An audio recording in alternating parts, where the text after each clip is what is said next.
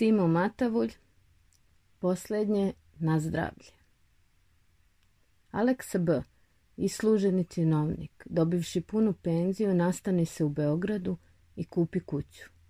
Tim je bila ostvarena nada njegova i njegove supruge, gospođe Marije, nada koja se začela u srcima njihovim još onda kad je on bio praktikant od 23 godine, a ona cura od 18 godina.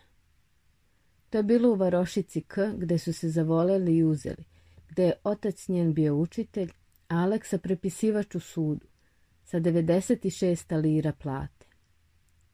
Aleksa beše onda visok, suh mladić, kome se na licu večito ogledaše čas neka plašljivost, čas neko čuđenje, što je laskalo njegovim starešinama. On je bio popov sin, iz okoline, popovo 11. dete. S njim se desilo u detinstvu čudo jedno, za koje je znalo celo selo. Evo šta. Aleksa se rodio bolešljiv i živao je s dušom u nosu do osme godine. Prohodao je u trećoj, progovorio u četvrtoj. Kad ispuni osmu, otac ga pričesti i od tada, od prvoga pričešća, kao da je neko rukom diže nemoć s njega te poče rasti i napredo. Stoga se Aleksa zavetova da će se svake godine pričešćivati četiri puta, uz četiri posta, kao što i crkva propisuje. Pošto svrši osnovnu školu, pop ga namesti kao poslušnika od apotekara u Varošici. Dečko ugodi apotekaru i on nameravaše da ga školuje, ali nakon tri godine, zbog grđevog življenja sa ženom, apotekar se otruje te Aleksa bi prinuđen da traži gde drugu zaradu. Nađe je kod nekog advokata kao prepisivač. Kad se u tome za četiri godine dobro izvežba, uđe u sud u istom kačestvu i oženi se. Marija mu donese skromno, ali stameno pokućanstvo, u kome se odlikovahu tri velika ćilima koji behu ponos njihov celoga im veka i koji dopreše čitavi u Beograd. Aleksina činovnička karijera uglavnom proteče kao i legionu njegovih drugova. Pošto postade ukazni, premešten je bio iz mesta u mesto, tako da je za 40 godina obigrao celu Srbiju. Po potrebi službe menjao je struke. Služio je u sudu, u načelstvu, u pošti, bio je blagajnik, magacionar, kondukter diližansa, pa opet magacionar – blagajnik, činovnik načelstva. A to službovanje nije proteklo bez prekida, bez trzavica. Bio je otpuštan, penzionisan, reaktiviran, pod isleđenjem za zloupotrebe, rehabilitovan, na raspoloženju.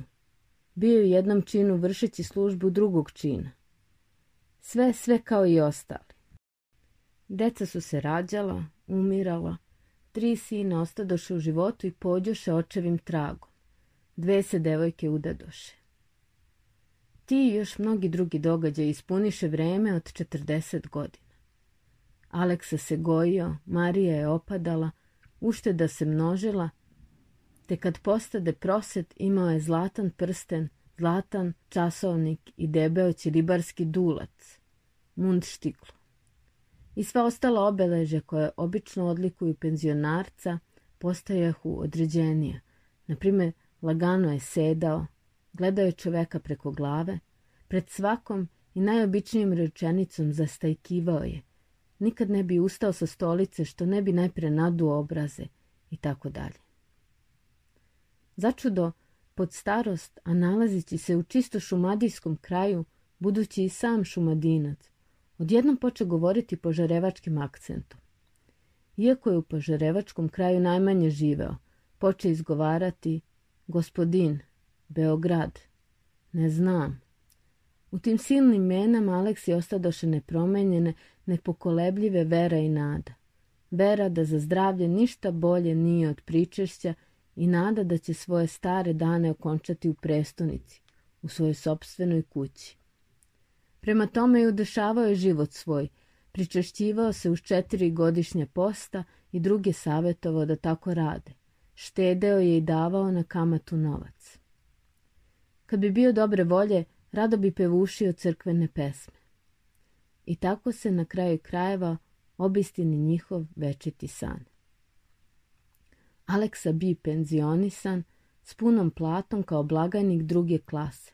Osam dana posle ukaza Oboje behu u Beogradu.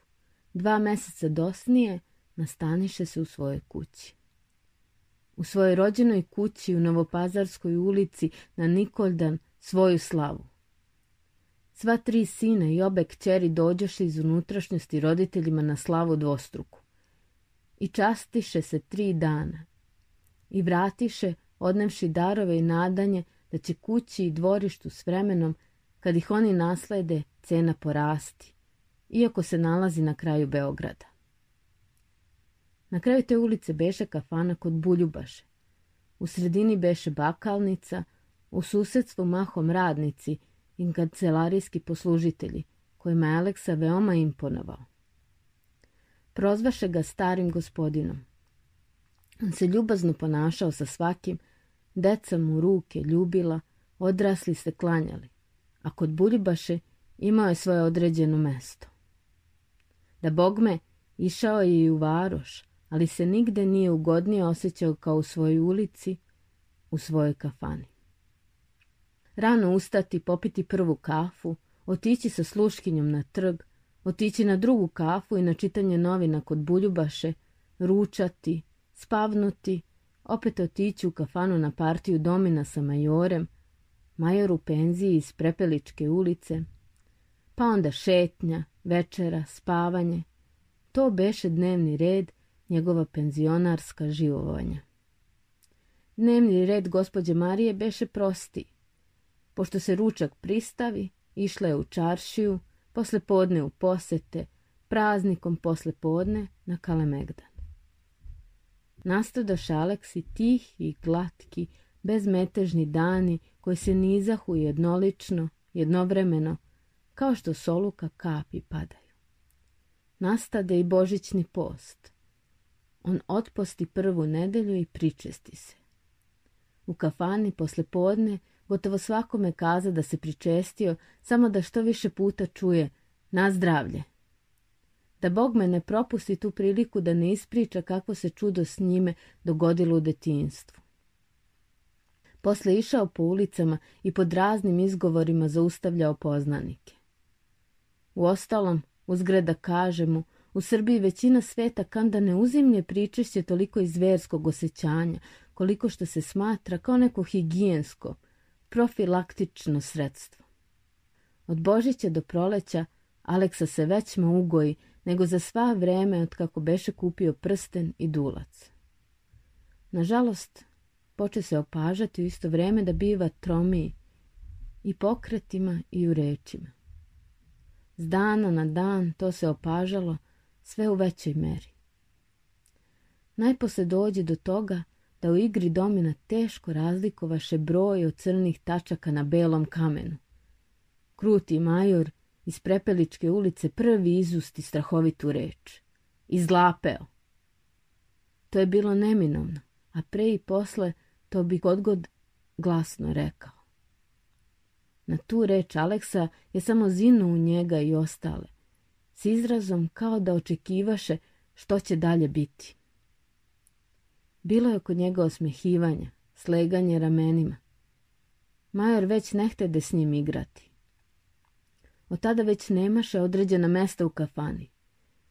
Najposle dođe do toga da se poslužitelj Dimče toliko obezobrazio da mu jednoga večera reče Već da je vreme, Čiča Aleksa, da idete kući. Tada ga je prvi put nazvao Čičom i od tada svi kod Buljubaše ne zvahu penzionara drugčije.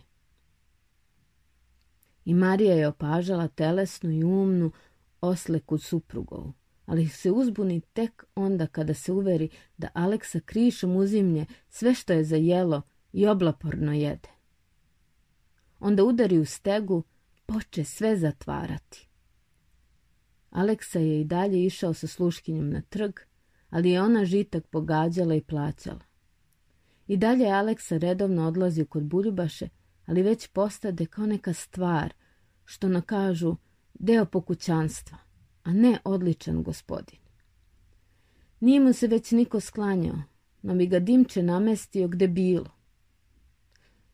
Često bi se oko Alekse digla graja, Ljudi se svađaju zbog politike ili igre, a on ih gleda blaženo, osmejkujući se.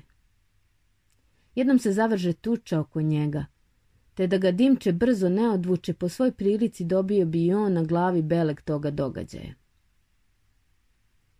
Na ulici ga već niko ne pozdravljaše, niti mu deca prilazah u ruci, u kući postade dosadan ženi i služavci, Beše samo telo kome je trebalo hrane, odmora, nege. Ogromna telesina sa detinjim potrebama i zahtevima. Jedino je Aleksa još umeo dati izraza trajnoj, neutolimoj gladi. Onda bi dugo gledao Mariju dokle jedva ne bi navrle dve potrebne reči. Daj, ženo!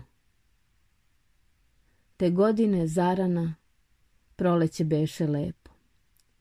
Jednoga jutra Aleksa, kao obično, otide pred svoju kafanicu i sede za sto na trotoaru. Ulicom poče prolaziti svet u stajaćem ruhu. Dimče, upredajući brkove, reče. E, moj čiča Aleksa, što biste vi drugi godina propustili da se na današnji dan ne pričestite. Aleksa ga gledaše blesasto, kao obično, ali učini – A, a, a. Dimče se osmehnu i viknu. Danas je prva nedelja posta. Znate, na zdravlje. A, a, a učini Aleksa s nategom ustade i pođe niz ulicu. Obazre se i reče Dimčetu. Na zdravlje! O, gospode, reče momak. Ta neće valjda, da valjda zna toliko da je kafu popio. I stade vikati za njim. Čiče Aleksa, Gospodin Aleksa! Ali stari činovnik sve brže i brže odmicaše dokle ne zađe za rogalj. U Vaznesenskoj crkvi beše naloga kao svake godine prve nedelje velikoga posta.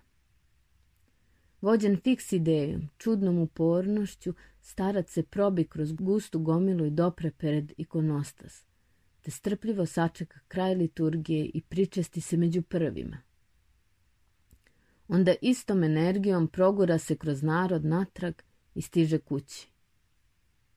Daj ženo, daj ženo, poče Aleksa sednovši za sto. Daj ženo, znaš, a, a, na zdravlje. Šta je sad, reče Marija iznenađena. Na zdravlje, znaš, a, daj jelo. Bio je mrsan ručak. Marija mu nehtede kratiti obrok, pomišljajući da je prirodno što je posle šest dana strogog posta toliko ogladneo. Dopustimo i da pije više nego obično. Pa se žena opet iznenadi kad je muž iza stola reče. Na zdravlje, znaš, meni. Kad ga, kao obično, nakon dva sata dođe da probudi, nađe ga modra i crvena, otvorenih očiju beše umro od kaplje.